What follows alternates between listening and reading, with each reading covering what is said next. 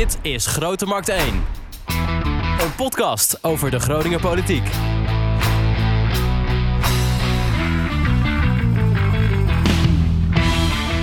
Welkom weer bij een nieuwe aflevering, maar ook een nieuw seizoen van Grote Markt 1. De podcast van Oog over de, de Groningse politiek. Ik ben Wouter Rolsappel en tegenover mij zit de onvolprezen Echo van Oosterhout. Goedemorgen, Wouter. Echo, we gaan het eh, iets anders aanpakken vanaf nu. Ja. Aan het begin gaan we even een beetje de actualiteiten bespreken rondom de Groningse politiek. Jij mag even je, jouw moment van de week of twee weken of drie weken van de afgelopen tijd mag je even Ja. uitlichten. Nou, misschien snoepen we zelfs af en toe wel een heel klein beetje van het landelijke mee. Misschien. Ja, Als het een beetje op Groningen te betrekken is. dat zou kunnen, hè? Ja. Ja, er speelt van alles. En in het tweede gedeelte Ja. gaan we praten met een gast. En vandaag is dat eh Koosje van Doezem van D66. En dat gaat over het stemmen op een vrouw. En waarom je dat wel of niet of zou moeten doen. En wat zij daar allemaal mee doet. Ja. Want we gaan natuurlijk eh, langzaam toewerken naar eh, de gemeenteraadsverkiezingen van maart 2022. Heb je daar een beetje zin in, die verkiezingen? Ik ben heel benieuwd. Ik heb er ook zin in. Ik ben heel benieuwd. Ik ben erg benieuwd naar de opkomst. Ik ben heel erg benieuwd naar de uitslag. Ik denk dat GroenLinks hier in de stad eh, best wel eens een paar klapjes zou kunnen krijgen. En dan ben ik benieuwd wie de winst gaat incasseren. Ja. Wat is nou eh, jouw eh, politieke moment wat je er even uit wil halen van de afgelopen tijd? Nou, ik eh, heb Jasper Been, raadslid voor GroenLinks, heeft de gemeenteraad verlaten. Hij wordt verslaggever bij het Financieel Dagblad. En ik heb geprobeerd om Jasper hier naartoe te krijgen. Want ik denk dat is toch belangrijk. Je laat jezelf zien aan de kiezer. Je zegt tegen de kiezer: stem op mij. Eh, eh, en da- dan trek je voor het eind van de eh, raadsperiode trek je je terug. En de raadsperiode was al redelijk kort, dus hij heeft pakweg 2,5 jaar of zo in de, in de raad gezeten. En ik wou wel weten wat hem bewogen heeft, maar hij wil niet praten. En dat vind ik erg jammer. En ik heb heel erg op hem ingepraat, want ik vind eigenlijk dat hij gewoon verantwoording afdient te leggen aan de kiezer. En dat doet hij niet. Nee, dat is wel heel zwaar gesteld, toch? Nou, eh, kijk, je, eh, je, je, je zorgt. Je, het is veel werk, hè? Dat gaat Koosje van Doezem straks ook vertellen. Het is veel werk om op zo'n lijst te komen. En dan word je gekozen. En, en mensen stemmen op jou, enzovoort, enzovoorts. En dan ga je opeens v- verdwijn je. En dat is. eh, dan moet je uitleggen aan al die mensen die op jou gestemd hebben. wa- wat jouw beweegredenen zijn. Hij kan hele plausibele redenen hebben. Maar dan wil jij ze wel graag even Maar horen. dan wil ik het wel even weten. Hij heeft ook gevraagd aan mij om eh, op hem te stemmen, immers. Oké, ja. Eh, nou, ik zal zelf ook even een momentje. Het is niet echt eh, lokale politiek, maar ook wel weer een beetje. Want ik was vorige week bij de rechtszaak van, tegen David en Nune. Ja. De zeven- en negenjarige kinderen uit, die ge- geboren zijn in Nederland. Vreselijk. Wonen in de Oosterparkwijk. Nou, volgens de, IN, het, dus de dienst, de IND, Ja. denk ik. Eh, was niet bekend waar hun verblijfsplaats was. En dat is nodig om een verblijfsvergunning te krijgen. En ik zit daar in die rechtszaal. En de, ineens tovert de rechter tovert een eh, document eh, omhoog. En die zegt, ja, maar op dit eh, document staat gewoon een adres. Ik zal die niet noemen. En eh, de IND, zes man sterk, trekt zich terug. En die komen eh, een half uurtje later terug. Ja, we trekken de zaak in. En dat vond ik toch wel eh, mooi, maar ook schrijnend dat dus twee kinderen jarenlang, twee jaar lang, misschien wel drie jaar lang, ik weet niet hoe lang het precies geduurd heeft, eh, in stress moeten leven of ze wel mogen blijven waar ze zijn. Of dat ze naar een land moeten waar ze nog nooit zijn geweest. Ja. En dan om één zo'n, nou ja, foutje druk je gewoon kinderen, druk je in de... Ja, Ja, dat vind ik wel vrij bijzonder. En die mensen hebben niet eens dat foutje gemaakt. Het is de IND die die fout gemaakt heeft. Ja. Weet je, dat leert toch wel een beetje dat de overheid niet altijd je vriend is. Er zijn wel meer voorbeelden van de kindertoeslagenaffaire bijvoorbeeld, de bevingen enzovoort. Maar de Groningse politiek heeft zich voor mij altijd wel behoorlijk hard gemaakt voor eh David en Nune. Mooi dat ze mogen blijven. Ja, Eh, de actualiteiten verder. Ehm, ik heb wat eh, fragmentjes onder de knop staan. Ik ga er eerst eens even eentje instarten en dan kijk ik of eh, eh, jij enig idee hebt waar dit over gaat. Nou, ik denk dat gewoon de, me- de mensen beslissingen nemen die, ja, die achter het bureau zitten. En natuurlijk, als er iets gebeurt, zijn zij verantwoordelijk. Ja. Snap ik ook. Maar laat het dan door mensen doen die er verstand van hebben, die ervaring hebben. Waar gaat dit over, Echo? Nou, de, de- de- Ja, je, je- je Dat ziet- is, i- jij ziet het voor je natuurlijk. Ja, dus er zijn eh, eh, eh, een bureaucratische beslissing om het magneetvissen te verbieden. Staat daar een, een jonge man met haar alle kanten op en magneetjes in het water te gooien. en, eh, en, en dan haalt hij ze omhoog en dan zit er een fiets aan of een Nou, een winkelkarretje. Oh ja, nee, goed. halve grachten Tallo- trekt hij tal- leeg. Talloze fietsen. Nee, ik weet het. het ik, Ja. ik, eh, ik ben zelf een, eh, een niet zo bergenadigde magneetvisser. Jij bent magneetvisser. Ik ben magneetvisser, want ik eh, eh, woon dus op een boot en ik laat wel eens een, een hamer of een tang of weet ik veel wat in het water vallen of een bos sleutels. Is dat wel eens gebeurd? Heb je wel eens... Ja, ja, ja. En dan heb ik een magneet. Vroeger had mijn buurman een magneet. En dan moest ik altijd naar mijn buurman. En zei ik, Anne, het is weer zover. En je weet wat, als je gepakt wordt, wat dat kost? Nee, geen idee. Wat kost dat? Nou, hij heeft dus een eh, brief gekregen om, eh, waarin staat dat hij moet stoppen. Jan Duur-Dijkman gaat het hier over. De magneetvisser die onlangs nog bij de Groningen Museum ongeveer 100 fietsen het water uit trok Ja. met zijn kameraden. Ja. 2500 euro, Ja. eh, een dwangsom. Oplopend tot een maximum van 10.000 euro. Het is een, eh, ja... Maar het mag dus niet. Want ik zal eventjes het eh, Ja. artikel 24 voorlezen van de veiligheidsvoorschriften voor, eh, hè, van het, de verordening openbaar vaarwater. Ja. Het is verboden in het openbaar vaarwater al dan niet bij wijze van beroep te duiken en of met enigerlei middel naar zich onder het wateroppervlak bevindende voorwerpen te zoeken of deze op te dreggen. Ja. Maar, eh, Het is een... eh, het, eh, want als, Het is een, een, een, een regel die gewoon nergens op slaat. Ehm, je laat maar de, iets... de, gemeente zegt ja, maar straks dan trekt die kabels kapot. Ja.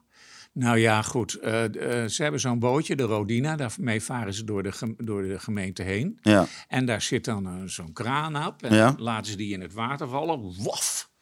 En dan slaat hij die. En dan wop, gaat hij omhoog. En dan zit daar bijvoorbeeld een winkelwagen aan. Of een fiets. Of Ja. twee fietsen. Of weet ik veel. En eh, nou, dat mag wel. Nou, Ja, maar goed, eh, eh, hij vertelde mij dat hij een keer met die boot mee was. ja, En dat ze een landmijn uit het water trokken. ja. En denk jij dat die mensen van de Rodina wisten dat het een landmijn was? Ik heb er geen idee van. Nee, die wisten dat niet. En hij, hij wel, want hij heeft er ervaring mee. Ja. Maar goed, waarom? Ik weet ook niet wat ze hiermee moeten, maar het lijkt me dat die, dat, dat gewoon, dat die, die kunnen toch wel dichter bij elkaar komen. Ja, het, eh, het, eh, het is allemaal formeel. Ik snap wel, de gemeente die heeft zoiets van... ja, eh, stel dat er iets ontploft of iets misgaat... dan, dan Zijn- zijn zij verantwoordelijk? Zij, Omdat zijn het, wij omdat verantwoordelijk. het verbod niet wordt gehandhaafd. hebben- Ja, dus dat verbod zou er dan, daar zou dan iets mee moeten gebeuren. ja.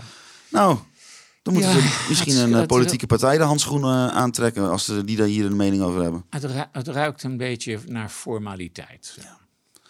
Dan eh, het volgende fragment. Want zeg nou zelf, dit pand op de Grote Markt zou zoveel mooiere invulling kunnen hebben dan dat het nu heeft. Het is nu gewoon echt een schandvlek voor Groningen. Je moet niet meteen eh Vindicat veroordelen, meteen alle studenten, alle leden van Vindicat op één hoop gooien. Je moet de, de aanstichters van deze situatie, die moet je oppakken en die moet je flink straffen. En wat ik zou doen als bestuur van Vindicat, zou ik deze mensen railleren. Natuurlijk moeten wij eh, excessen aanpakken.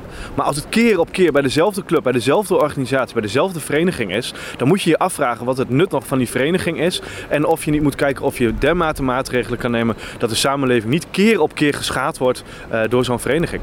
Nou, laten we de quiz erin houden. Waar gaat, het, waar gaat dit over? Dit gaat over Vindicat. Ja. En opvallend is, Jimmy Dijk is boos. Ja, dat is hij trouwens dat is hij altijd, toch? Ja, ja, heel vaak. En Tom van Kester is niet boos. En dat is ook opvallend, want die is meestal wel boos. Ja, tot Jimmy Dijk van de SP ja, en Tom van Kesteren hoor je tussen hem in Ja. van de PVV. Ja, en dus, en dus nou, die zijn, de heren zijn het niet met elkaar eens. Tom vindt het... eh, Want de Vindicat, even voor de goede orde, die heeft een eh, feestje gehouden eh, bij Karringen aan het Ja. Zilvermeer. Nou, er was nog wat. Was eerst al. eh, eh, gingen ze, ja, de, de buschauffeurs die hebben ze een beetje geïntimideerd. ja, en de bussen, eh, lastigvallen, en, eh, dronken. eh, eh, was niet heel gezellig. Nee. Dus dus, eh, die, die busmaatschappij die hield op met rijden. Cubus zei, we gaan niet verder, we stoppen nu. En die zijn dus weggegaan. Toen is er nog een beetje ME bijgekomen. Oh, Die heeft uiteindelijk niet opgetreden, maar die zijn beetje gedreigd, zeg maar. Een beetje. Beetje, nou, we hebben ME achter de hand. Oeh, nou, maar goed, ik weet niet, ik weet niet of jij wel eens tegenover, tegenover zo iemand hebt gestaan, maar dan kijk je wel uit hoor. Ik heb wel eens tegenover Ja. een ME'er gestaan. Ik ben- Maar de, ik eh, volgens was het ook nog één grote piepzooi bij eh, het eh, Zilvermeer. Nee, het was geen piepzooi, het was een klotenzooi. Het was een klotenzooi. Echt gewoon waardeloos, zag er niet uit. Ehm, ja, nou ja, zo, zoals dat gaat als er een ruig feestje is Maar geweest. je- eh, eh, Vin- ik ben een eh, woon sinds 2008 in Groningen. Het is altijd wel wat met Vindicat. Ja. En er is ook altijd de politiek die er iets van zegt Ja, en er iets van vindt. ja. Maar die vereniging zit hier al, nou, eh, volgens mij eh, meer dan 300 jaar. Nou, het is de, de oudste studentenvereniging die er is, volgens mij, in de stad Groningen. Ja. En, eh, en dat, zal, dat zal ze ook wel blijven, denk ik. Ik denk niet dat, eh, dat eh, de, de, de... Nee, goed, er zou gisteren over gedebatteerd worden. Dat is nu verplaatst naar volgende week, eh, eh, woensdag. Eh, de Schuiling heeft een brief geschreven. De accreditatie van eh Vindicat is ook niet opgeheven. Ja, dat Dus is dat je dat van de, van de onderwijsinstellingen, hè? dat ze Ze mogen Overal nog belang- bij komen. Ja, en dat ze beurzen krijgen voor hun bestuur enzovoort. Maar wat vind jij ervan dat, zeg maar, het is een studentenvereniging, Ja. dat politiek daar invloed op wil hebben? Vind je dat Nou, logisch? ik snap wel dat ze balen van al die rotsen en al die incidenten. Dat Ja. begrijp ik heel goed. En eh, Maar dat, dat- Van Kesteren zegt van ja, maar dan wordt het ook een beetje, een beetje gezocht eh, allemaal. ja, Ze hoeven maar één ding fout te doen of iedereen schreeuwt er weer. eh, ja, de- ja, dat is, ik vind dat heel lastig. Ik weet het is niet heel makkelijk, het is niet een eenvoudige kwestie, denk ik. Hè? Nee, nee, de vorige burgemeester Peter de Oudste was er heel pissig over. En die vond het echt het gezuip en dat moest allemaal maar eens afgelopen zijn. Koen staat er wat genuanceerder in, volgens mij. Ehm, Nou, onder onder eh, Peter en Oudste hebben ze toen toch ook een keer zo'n alcoholconvenant of zo getekend met al die studentenverenigingen. ja, Nou, ik kan me toch niet aan de indruk. eh, ik heb niet de indruk dat er, dat, er, dat er minder alcohol wordt gedronken. dat denk ik ook niet. Ik heb geen cijfers. Nee. Maar de omloopsnelheid aan bestuursleden en... eh, Ja, dat is elk jaar een nieuwe. Ja, dus dat is heel erg groot bij Vindicat. Maar heb je, denk je dat de, dat de politiek er iets mee gaat doen? Of dat het gewoon weer eh, een paar waarschuwingen is en dan eh, gaan we gewoon weer verder? Ik denk dat het laatste is. Want het, is- ze hebben het over cultuurverandering. Hè? Er moet een cultuurverandering komen. Ja, dat is, ik zie het niet gebeuren. Nou ja, goed. Eh, de volgende. Dit wordt wel echt weer een, eh, een, eh, ja, een, eentje waarvan je niet weet waar het over gaat, totdat je het weet. Ik vind het schandalig wat hier gebeurd is. Het is niet de eerste keer, ook bij Paddenpoel. Dat duurt nog heel lang voordat dat daar een brug komt. Schandalig is het. En dat voor een GroenLinks hier in Groningen. Schaam je. Deze mevrouw is boos. Ja. Waarom is deze mevrouw boos op? Deze mevrouw is boos op GroenLinks. En dat lijkt me in dit geval niet geheel terecht. Nee, mij ook niet. Want het gaat natuurlijk over eh, de Rijkswaterstaat. Gerrit Krolbrug. Ja. Zij, er werd maandag, als het goed is, even kijken welke datum we het dan over hebben. Nou, volgens mij was het 4 oktober gedemonstreerd of geflyerd voor Ja. een lage brug. Ja. Er komt, eh, laten we zeggen, de Gerrit Koolbrug eh, ligt eruit. Evenals de Paddenpoelsterbrug. De Paddenpoelsterbrug ligt er nou, inmiddels al bijna drie jaar uit, volgens mij. En eh, die wordt de hele tijd maar niet vervangen. Daar is ontzettend veel irritatie over. Moet je je voorstellen, Rijkswaterstaat wilde van die brug af. Ja. Is er een iemand die die brug bedient van Rijkswaterstaat, die draait die brug dicht, terwijl er op volle snelheid een vrachtschip doorheen vaart. Dus die brug die vliegt gewoon meters de lucht in, hartstikke stuk. Je, je, je, Rijkswater. Rijkswaterstaat, nee, echt meters de lucht in. Rijkswaterstaat eh, eh, grijpt die brug op een bakkie, weg ermee en in duizend hè, daar zijn we vanaf. Hebben ze hun zin gekregen. Dan de tweede, dat ging eh, eh, op een andere manier, de brug. eh, Oh, je hebt het nu over, dat was de Paddenpoelsterbrug. dat was de paddenpoelsterbrug. Ja. En toen kreeg je dus twee jaar later, of tweeënhalf jaar later, kreeg je dus de, de Gerrit Koolbrug. Nou, een schip vaart gewoon daar dwars tegenaan, terwijl die brug gewoon nog dicht, dicht is. Ja. En ja, die ligt er nu ook uit en iedereen moet omfietsen. Maar, Nou je kunt over die loopbrug, hè, maar dat Ja. is... eh, ja, maar dat is, nou dat kan. Voor automobilisten is dat vervelend, want die gaan of over de, de Noordzeebrug of over, die, eh, over de Oostersluis. Ehm, en, maar nu, sowieso was het idee, die Gerrit Koolbrug moet eruit. En wordt dan een nieuwe brug. En eh, nu heeft eh Philip, wethouder Philip Broeksma samen met eh, Rijkswaterstaat besloten tot de eh, middellage variant. de En- middellage variant. Ja, zeg maar. Dus die brug wordt geloof ik 4 meter. En die, maar dat is vanaf het water, hè? Dat is niet vanaf... Nee, eh, nee, nee. Ja, vanaf niet, eh, doorvaarthoogte. Ja, Maar die brug zelf is nog wat hoger, want die heeft ook een dikte. ja. Maar laten we zeggen, de doorvaarthoogte is 4 meter. En, Dus dan moet je als, als persoon moet je wel wat omhoog. en de bewoners kiezen voor de lage variant. Ja. En die krijgen hun zin niet. Maar dat is ook niet zo gek dat de bewoners dat willen. Dat is helemaal niet gek dat Nee. de bewoners dat willen. Want je, laten we zeggen, de, Als het aan de gemeente Groningen de ligt, het- hellingbaan wordt langer en langer en langer. Dus je begint eh dan iets ma- een heel eind van tevoren. iedereen heeft toch al elektrische fietsen, dat maakt er geen zak uit. Nou, het, het, eh, ik denk niet dat iedereen... eh, Kies nou even de kant van de bewoners, Echo. Ik kies de kant van de bewoners. Ik vind het onzin. eh, ze, eh, die, het aantal keren dat de brug open moet als, die laag, als gekozen wordt voor die lage variant, is weinig meer dan wanneer er gekozen wordt voor deze variant. Maar de- de- wat die mevrouw nou zegt over GroenLinks, schaam je? Ja, dat slaat. En, en, nou ja, het enige wat je GroenLinks eh, kan verwijten, of de wethouder kan verwijten, is dat zijn vuist niet wat harder mapt in de richting van Rijkswaterstaat. Ja, want het is eigenlijk gewoon, eh, je moet het eigenlijk hetzelfde zien als eh, de gemeente Groningen gaat ook niet over de A28 en de A7, daar gaat het Rijk over. Ja, Zo moet je dat bij het Van Starkenborgkanaal, wat daar loopt, het Van Starkenborgkanaal toch? Ja. Moet je dat ook zien, hè? De, ja. de, de- het Rijkswaterstaat gaat erover en de gemeente die kan alleen maar proberen om invloed uit te oefenen. ja en dat, maar die, laten we zeggen.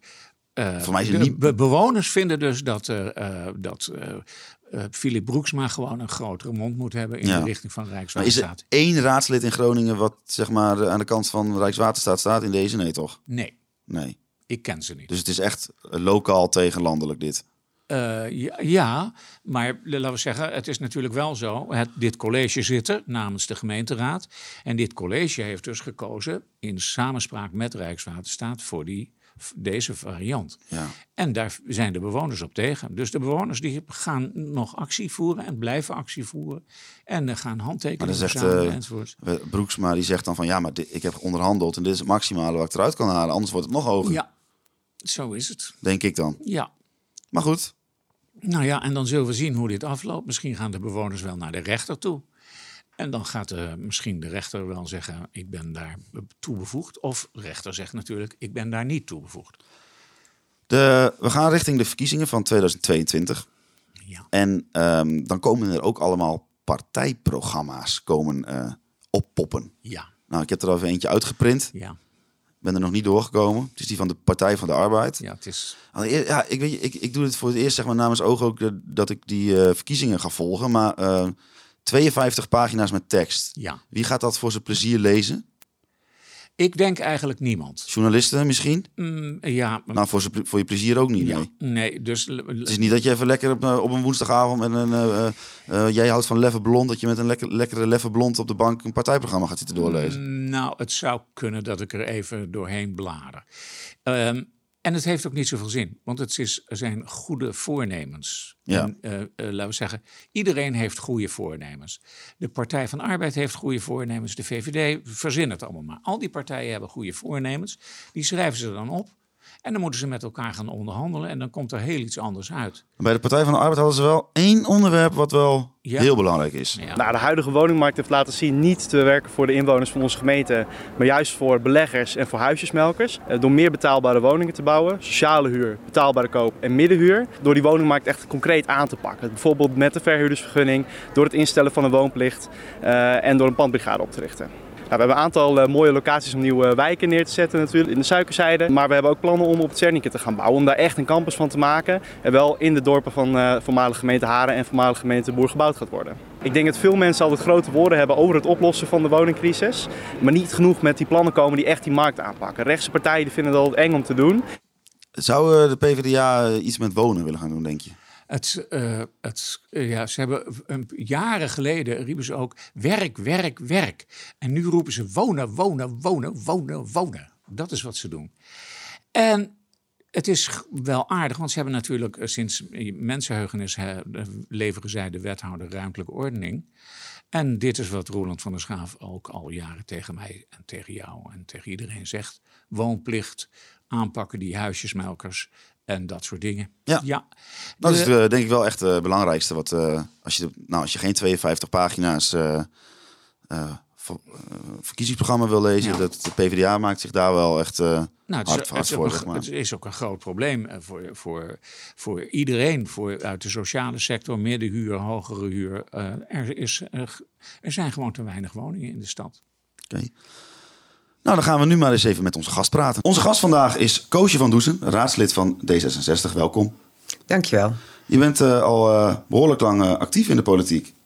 Ja, dat kan je wel zeggen. Ja. Ja, ik was in de vorige eeuw, zo noem ik dat altijd. Dat was voor 2000, eh, 2000 was ik twaalf jaar fractievoorzitter in de Provinciale Staten.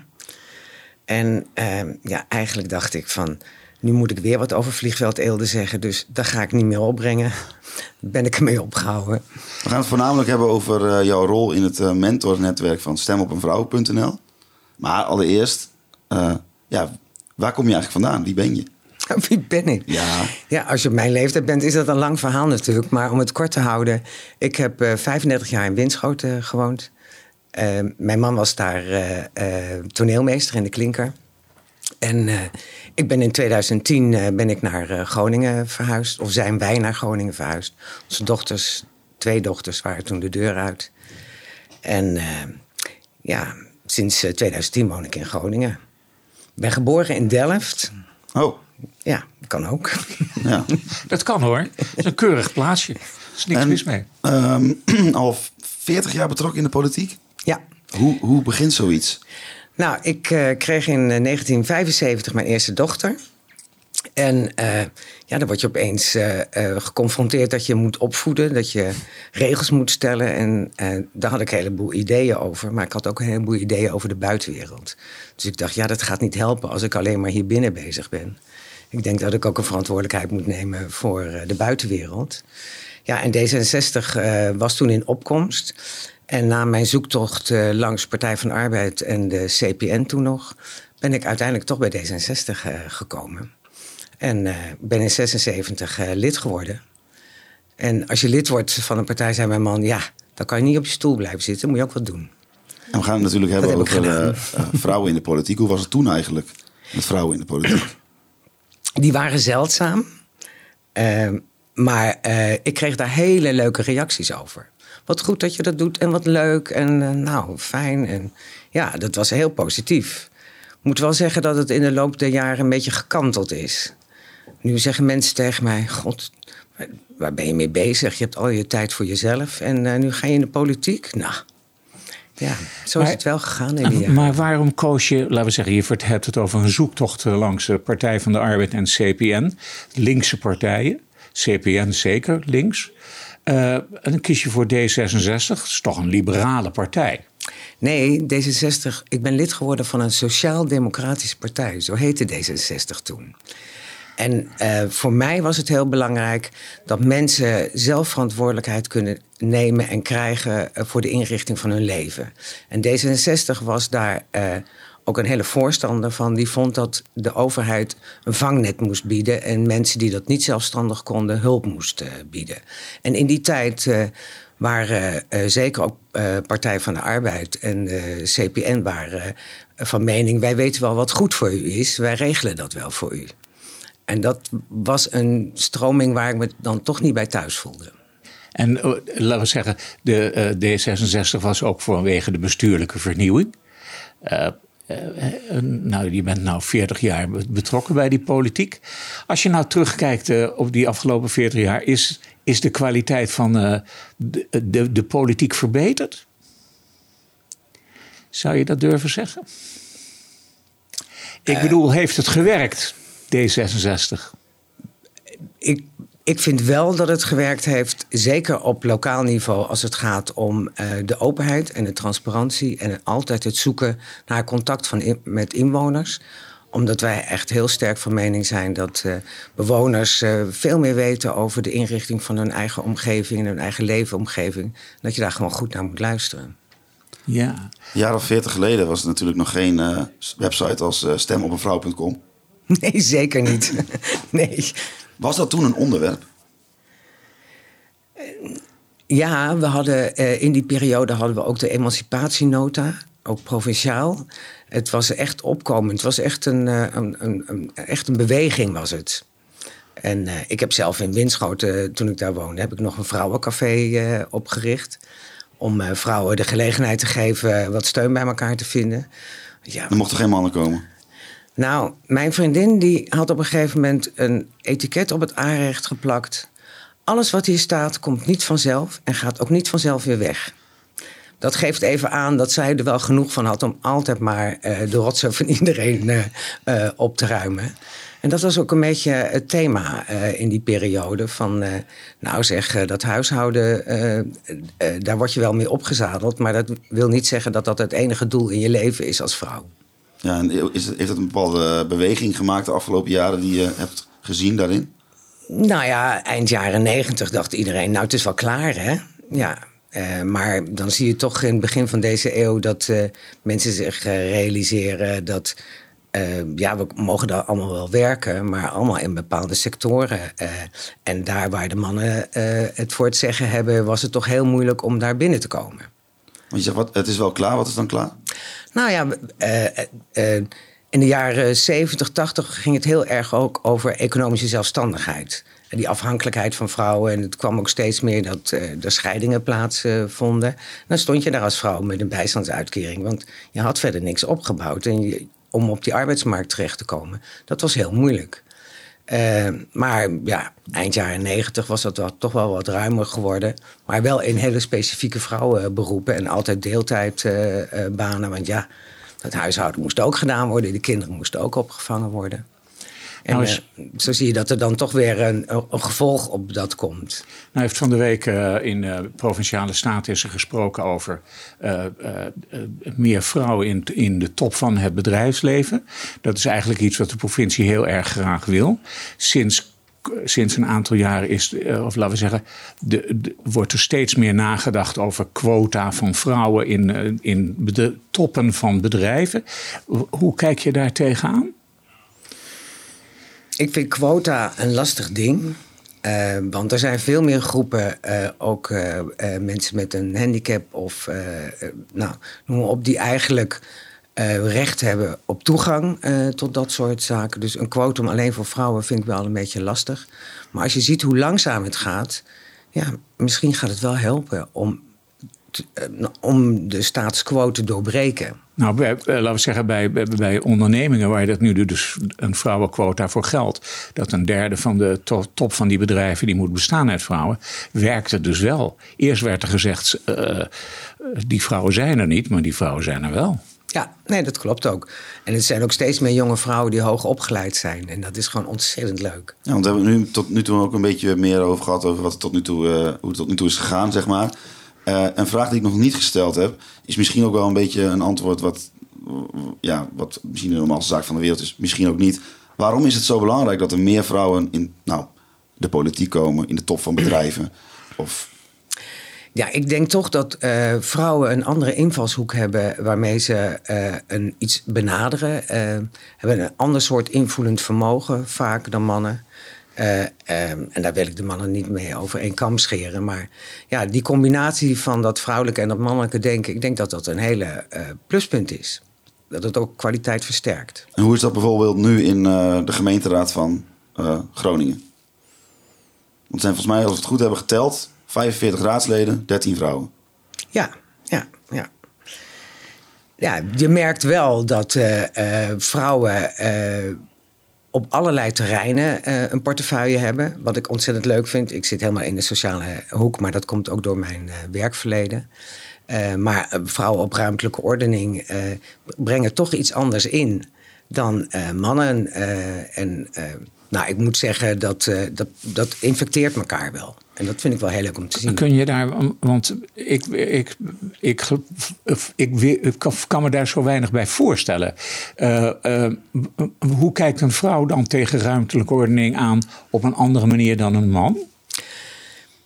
Uh, vrouwen hebben vaker toch de herkenning van hoe kinderen in, in de wereld moeten bewegen. hoe ze met oude mensen daarin moeten bewegen. Uh, en ja, dat, dat vind ik wel een pluspunt. Dat je dat brede scala uh, kijkt. En niet meer alleen maar van ik moet naar A naar B, het moet snel, het moet efficiënt. Mannen zijn, uh, zijn denken eigenlijk alleen maar aan efficiency. Nou, in veel gevallen wordt er vaak ja, meer, meer doelmatiger en meer efficiënter gedacht. En daarbij verlies je soms aspecten uit het oog. Maar het is natuurlijk niet zo zwart-wit Nee, nee gelukkig niet. Nee. Nee, ja, nee maar ik, dus ik probeer me even. Ik, ik, haal, ik haal het even in mijn hoofd. Bijvoorbeeld zo Roland van der Schaaf zegt, een typische man, zeg maar. Die hier de ruimtelijke ordening doet.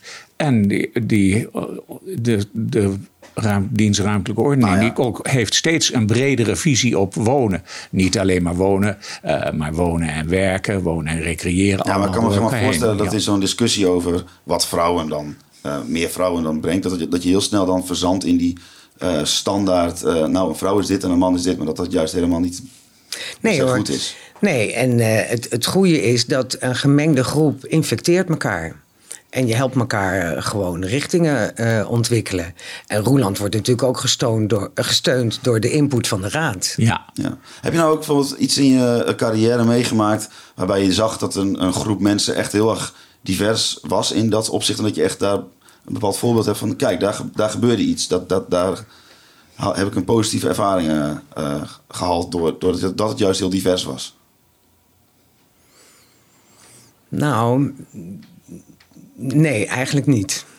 Nee, nou ja, aan divers denk ik eh, mensen met een beperking, mensen met een andere huidskleur. Nou ja, eh, mannen en vrouwen. eh, maar goed, in de politiek en in het werk wat ik heb gedaan, was ik heel erg eh, in een witte samenleving. Ja. Eh, dat heb ik wel jammer gevonden. Eh, maar ja, en eerlijk gezegd denk ik zelfs dat de raad wel veel diverser zou mogen zijn. En eh, dan niet alleen eh, eh, qua kleur of qua handicap, of, maar ook qua opleiding. Want dat vind ik soms wel eens een probleem. Er zitten steeds meer hoogopgeleiden in de raad.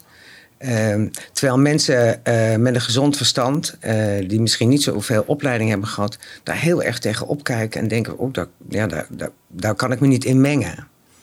En ehm, nou, dat vind ik wel het verkeerde voorbeeld. Dat vind ik wel jammer. Nou ja, je had het over de raadsleden en dat je zelf dan in de raad zit en dat er zo anders tegen jou aangekeken wordt.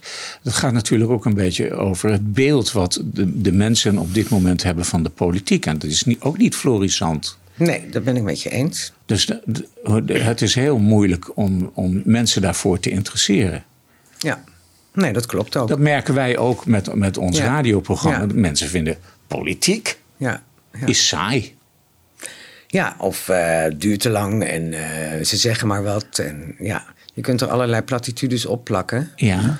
Maar ik probeer altijd zoveel mogelijk buiten het stadhuis te zijn, in de wijk. Ik heb ook Leeuwenborg en eh, bij hem heb ik als, nou als mijn contactwijken. Dus als er iets van wijkvernieuwing of als er iets van golvend Leeuwenborg is, dan probeer ik daar altijd te zijn. En eh, natuurlijk vaak ook om meningen op te halen. Maar ook als het kan, mensen te helpen met van... oh, je moet die weg bewandelen of als je dat wil, moet je daarheen. Dus zo probeer ik altijd wel de politiek en mensen wat dichter bij elkaar te brengen. En dan eh, heb je het natuurlijk over de participatie. Mensen die dus, mee, als jij naar zo'n wijk toe gaat, mensen kunnen participeren. Maar als je bijvoorbeeld kijkt naar eh, een- iets als Lage Land, waar dan opeens eh, allemaal hectares eh, zonnepanelen in, eh, in een weiland eh, gebonjourd worden. Mensen keren zich gewoon af. Ja, nee, dat is ook zo. En eh, nou, eh, we hadden het er gisteren, of eh, nog in de fractie hadden we het er nog over. We hebben daar heel veel aandacht aan besteed als fractie aan de bezwaren van die mensen. We hebben veel gesprekken gevoerd. En uiteindelijk heeft de wethouder nu besloten dat er helemaal niks komt. Maar we hebben niks gehoord van die mensen. Dus we gaan ze nu vragen of ze het er wel eens zijn met het besluit wat er nu ligt. Komt er nou niks? Nee, er komt helemaal geen reactie. Echo, Ja. Dat vond ik ook wel grappig. er waren Ja. dit jaar de verkiezingen. Ja. Je hoeft niet te vertellen eh, op welke partij je hebt gestemd. Maar heb jij op een vrouw gestemd of op een man? Ik heb op een man gestemd. Oh. Maar dat is niet omdat ik per se op een man wil stemmen. Nou, ik heb op een vrouw gestemd. Ja. Wat is eh stemopenvrouw.com? Wat is dat voor beweging? Dat is eigenlijk een beweging die eh, landelijk opereert en eh, wil, ehm, zorgen, wil ervoor zorgen dat er meer vrouwen zich prettig voelen om de kant van de politiek op te gaan. Ja, en jij zit dan, bent onderdeel van het mentornetwerk daarvan. Ja. Wat is dat? Nou, ik heb natuurlijk heel veel ervaring in de politiek. Eh, ik heb ook heel veel eh, sollicitaties gedaan voor eh, dat ik weer lijsttrekker wil worden of dat ik gewoon raadslid wil worden. Ehm, nou, dat is toch een hele specifieke wereld waar je in je solliciteert. Eh, dat is ten eerste. En ten tweede, ja, het is ook wel heel specifiek werk, wat je aan de buitenkant vaak niet kan herkennen. Dus op die twee elementen probeer ik iemand die zegt van hé, hey, politiek is misschien wel interessant. Probeer ik die te ondersteunen eh, in de zoektocht naar van wil ik dat? En als ik dat wil, hoe kom ik daar dan? Uh, ja, en dat is wat een mentor doet. Ja, want je hebt nu één iemand waar je dan aan gekoppeld wordt. Hoe werkt zoiets? Ja, ja ik, uh, het was een landelijke uitvraag. Ik heb me opgegeven. Er zijn ook een heleboel vrouwen die er wel interesse in hadden om het te gaan doen. die hebben zich ook aangemeld. En toen hebben ze koppelingen gemaakt landelijk. En ik kreeg op een gegeven moment te horen: Nou, leuk dat je dat wilt doen. Maar in Utrecht is een vrouw. En daar willen we je graag mee in contact brengen. Nou, en zo is dat gegaan. En, en is dat dan ook iemand van D66? Dat hoeft niet. Uh, want het wordt willekeurig uitgekozen. Maar het was toevallig wel zo, ja. En dan, dan uh, uh, hoe ga, vertel, wat, wat, wat, hoe begin je dan met zo iemand? Nou ja, het was natuurlijk allemaal zoomen, want het was corona. Dus we hebben elkaar opgezocht. En ik heb haar laten praten, zo van waarom wil je dit? En ja, uh, zijn er ook dingen in je eigen leven die maken dat je hier zo extra in geïnteresseerd bent? Want je moet ergens wel je energie vandaan halen om dat te kunnen doen. Nou, en toen, we daar, toen ze daar wel heel nadrukkelijk ja tegen zei, toen zei ik: Ja, nou, hoe gaat het nou verder? Nou, ik ken natuurlijk. In mijn geval ging het dat ik de procedure in de partij goed kende. En ik er zelf ook middenin zit, want ik heb mezelf ook weer kandidaat gesteld. En nou ja, dan moet je ehm, dan moet je een, een soort ja, uh, brief sturen naar uh, uh, een lijstadviescommissie. Dat, je, dat is een soort sollicitatie.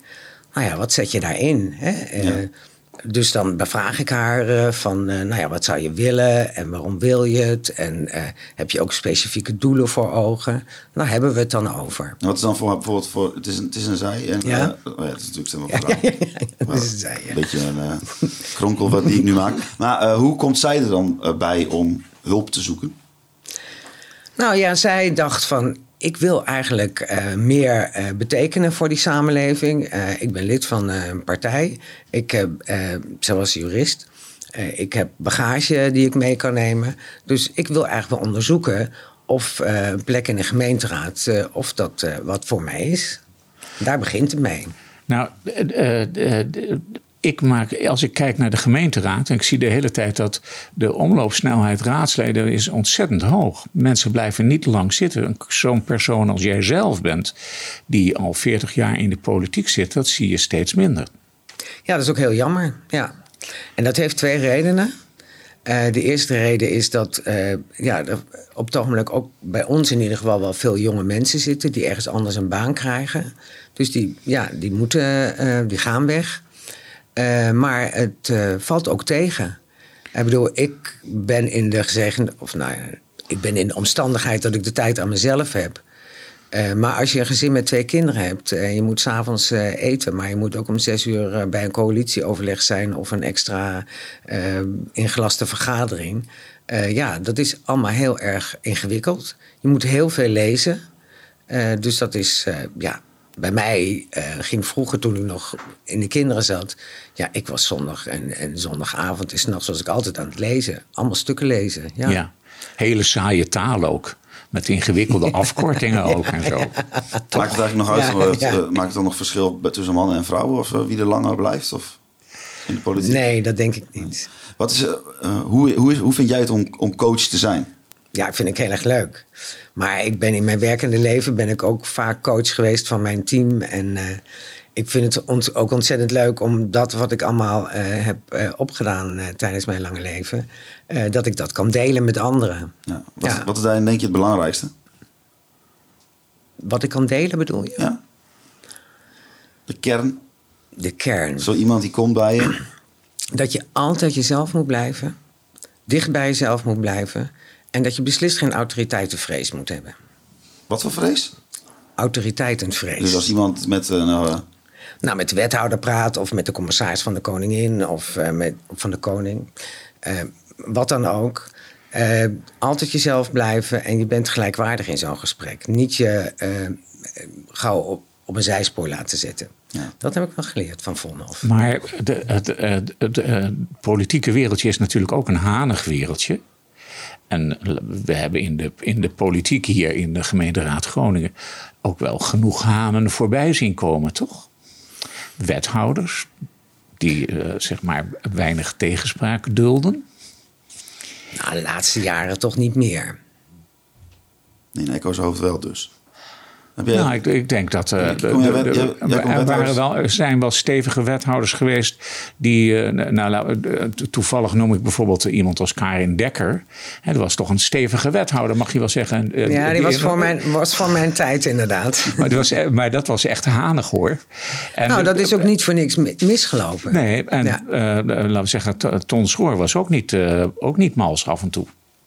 Nee, dat, dat klopt. Maar die kreeg wel weerwerk van de raad. Ik bedoel, daar, uh, ik vind wel dat in Groningen op het ogenblik, zeker nadat die clash is geweest, dat daar een hele uh, nieuwe manier uh, is ontstaan. Een hele positieve cultuur naar elkaar toe. Dat ben ik met je eens. Die, die clash die heeft, die heeft. Ja, louterend gewerkt. Louterend gewerkt. Je coach is ook al je hele leven, zeg je eigenlijk net, hè? Nou, in mijn werkend leven. Ja, in je werkend ja, leven. Ja, ja, en merk je dan ook nog verschillen tussen als je bijvoorbeeld een, een gesprek hebt met mannen of met vrouwen in, in de breedte? Ja, de, uh, het zijn vaak uh, andere twijfels die ze hebben. Oh ja, zoals? Nou ja, vrouwen, ja, dat is heel. Dat, dat blijft toch nog steeds zo. Van kan ik dat wel? En bij mannen is het vaak van, nou, ik wil dit wel doen, maar, wat, maar ik denk ook al wel vast aan de volgende stap. Oeh, die mag je toelichten, meer. Nou ja, uh, de, uh, ik denk dat mannen ook in de politiek meer carrièreplanning, uh, oh ja, carrièreplanning ja, doen. En dat vrouwen. Uh, die willen gewoon van, nu goed doen. Ja, ja. Okay. Dus, dus het, het, hier zit niet een carrière mevrouw, hier zit een idealiste. Ja. ja, zo kan ik mezelf wel noemen. Ja. ja, ik zit niet voor mezelf in de politiek. Nou, mooi.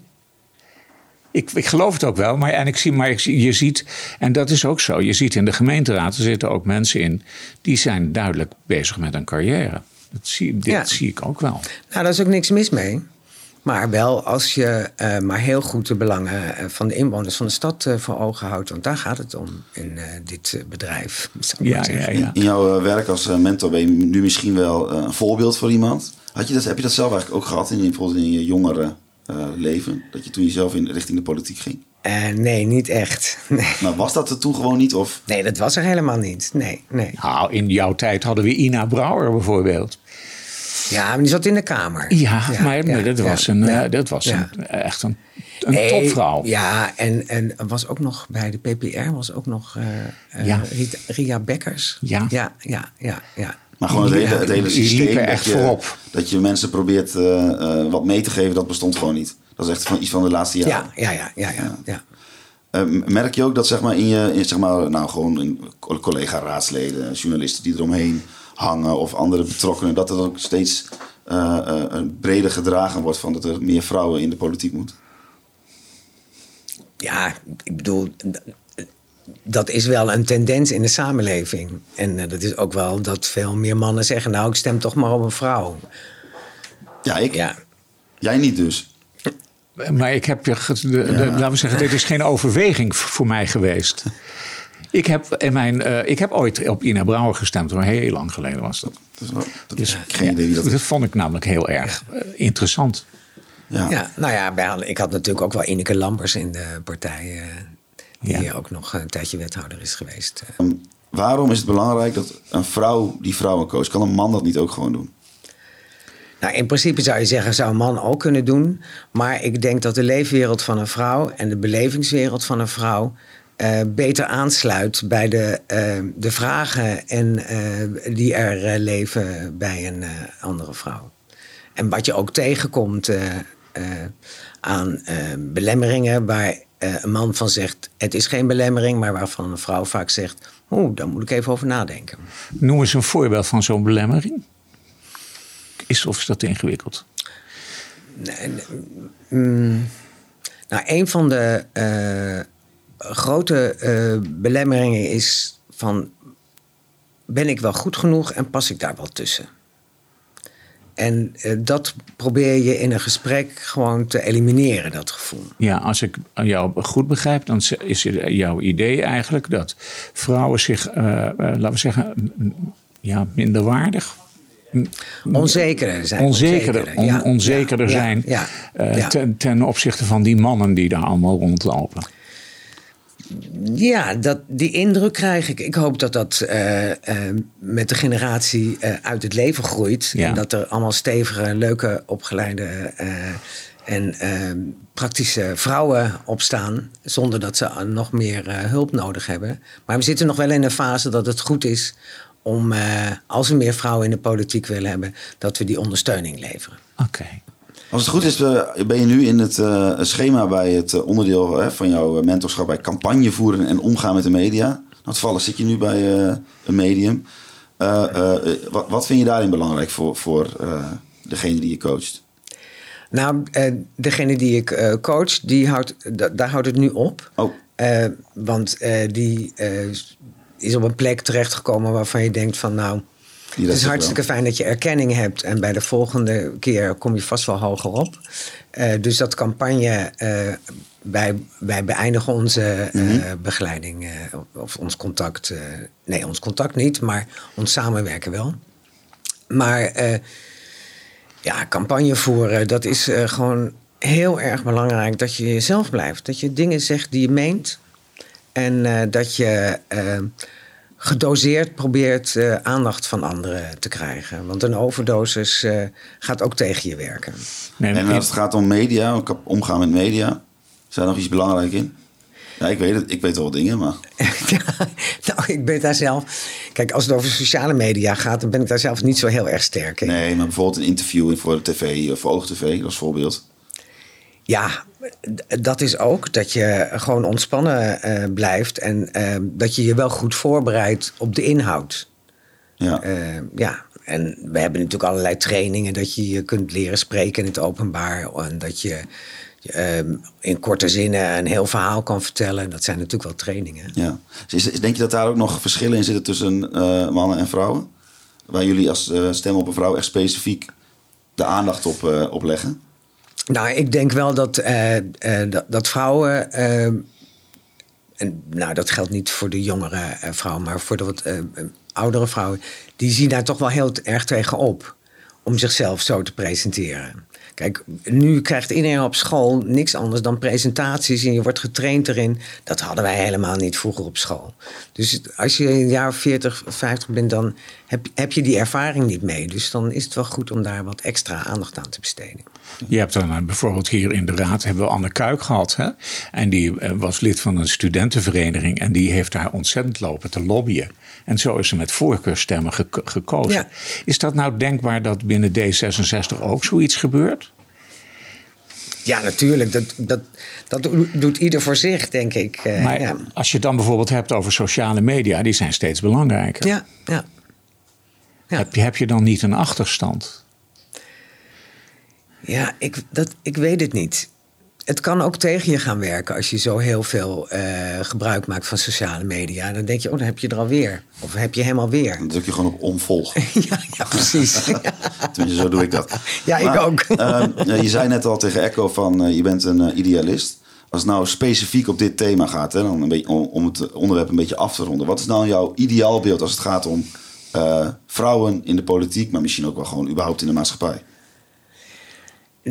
Wat mijn ideaalbeeld is dat uh, vrouwen uh, uh, wat meer ehm, geloof in zichzelf hebben en wat beter voor zichzelf opkomen. Want dat is, nog, dat is er nog niet genoeg.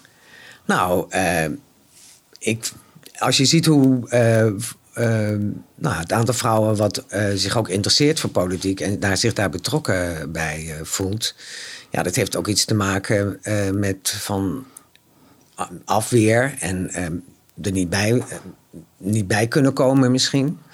En uh, dat, dat zou nog wel heel erg doorbroken moeten worden, denk ik. Dat en je, het je, had het daar, je had het daar net over, ook over de diversiteit. laten we zeggen, de, de, de, blanke witte man die in de gemeenteraad ja. zit, die kennen we natuurlijk wel. En nou komt er ook een blanke vrouw in de blanke vrouw, meer ja. blanke vrouwen in de, in de gemeenteraad. Maar er zijn natuurlijk allerlei alle andere mensen die daar ook eigenlijk vertegenwoordigd moeten worden. Ja, dat vind ik wel, ja. En speelt, doet D66 daar iets actiefs in?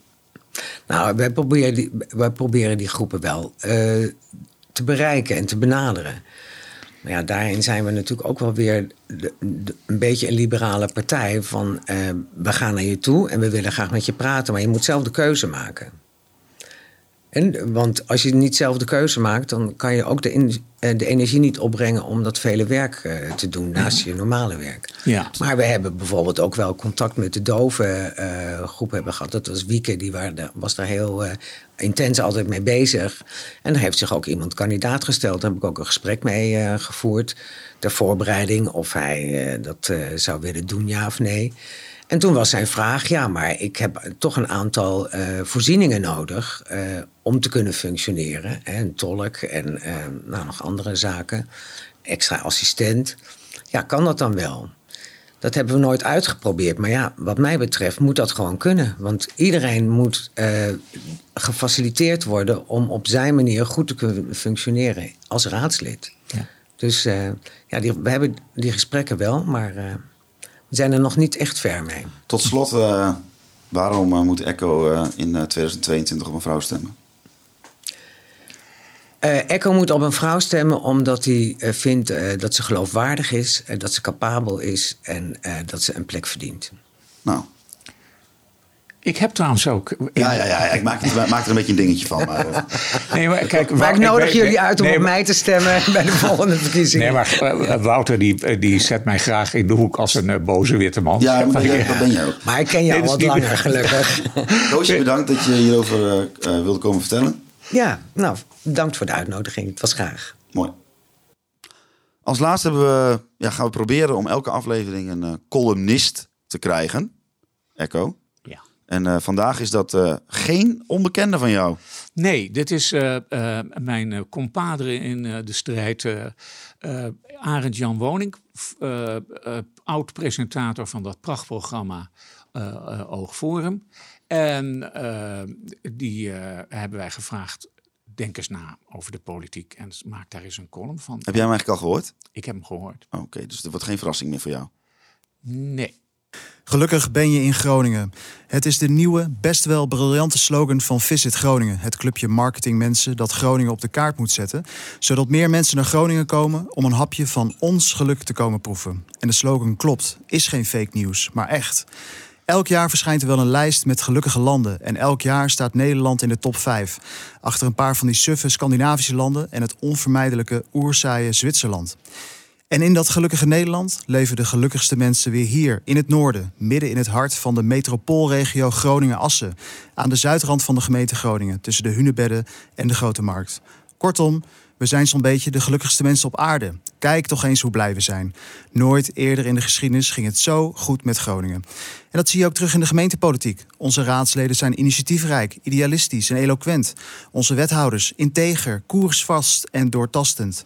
Na het debat op woensdag, die zelden knetteren of vonken, drinken ze op maandagavond een biertje van verzoening in Café Hooghout.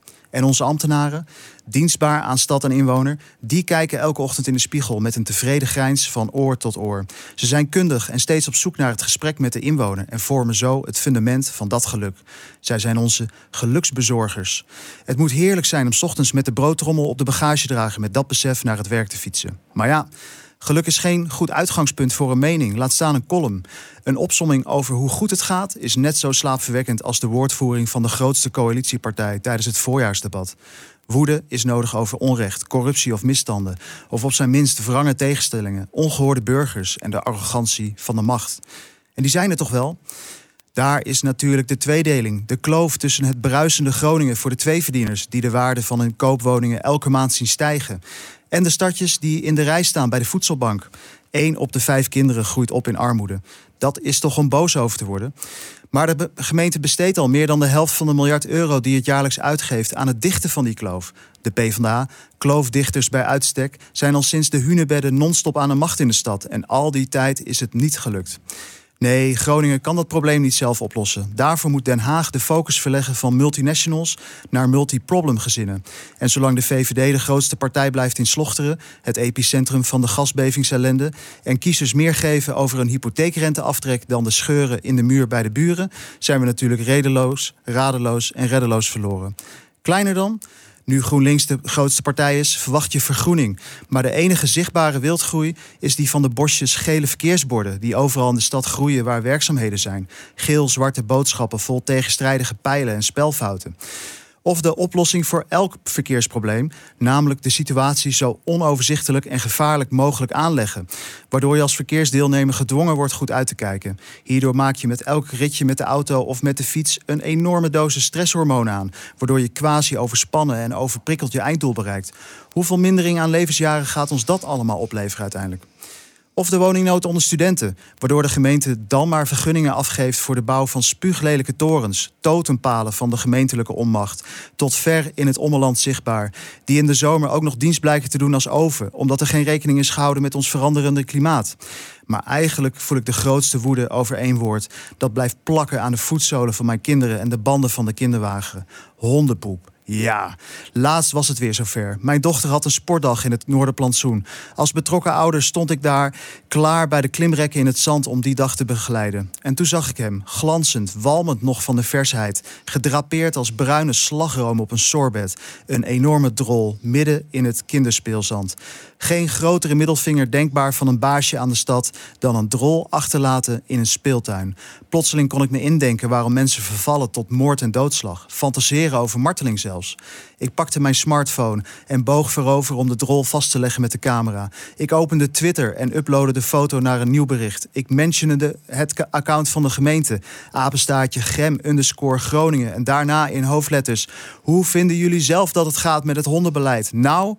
Maar net toen ik het berichtje wilde plaatsen, mijn vinger al op de blauwe tweeten-knop had, kwam een mevrouw aanlopen, vergezeld van een andere hond. Ze had de drol ook gezien. Het was niet haar drol, niet haar hondenpoep, niet haar middelvinger naar de stad. Maar toch pakte ze met een plastic zakje de hondenpoep uit het zand, wandelde rustig naar een prullenbak en deponeerde daar zakje en hondenpoep. Ik wiste het bericht.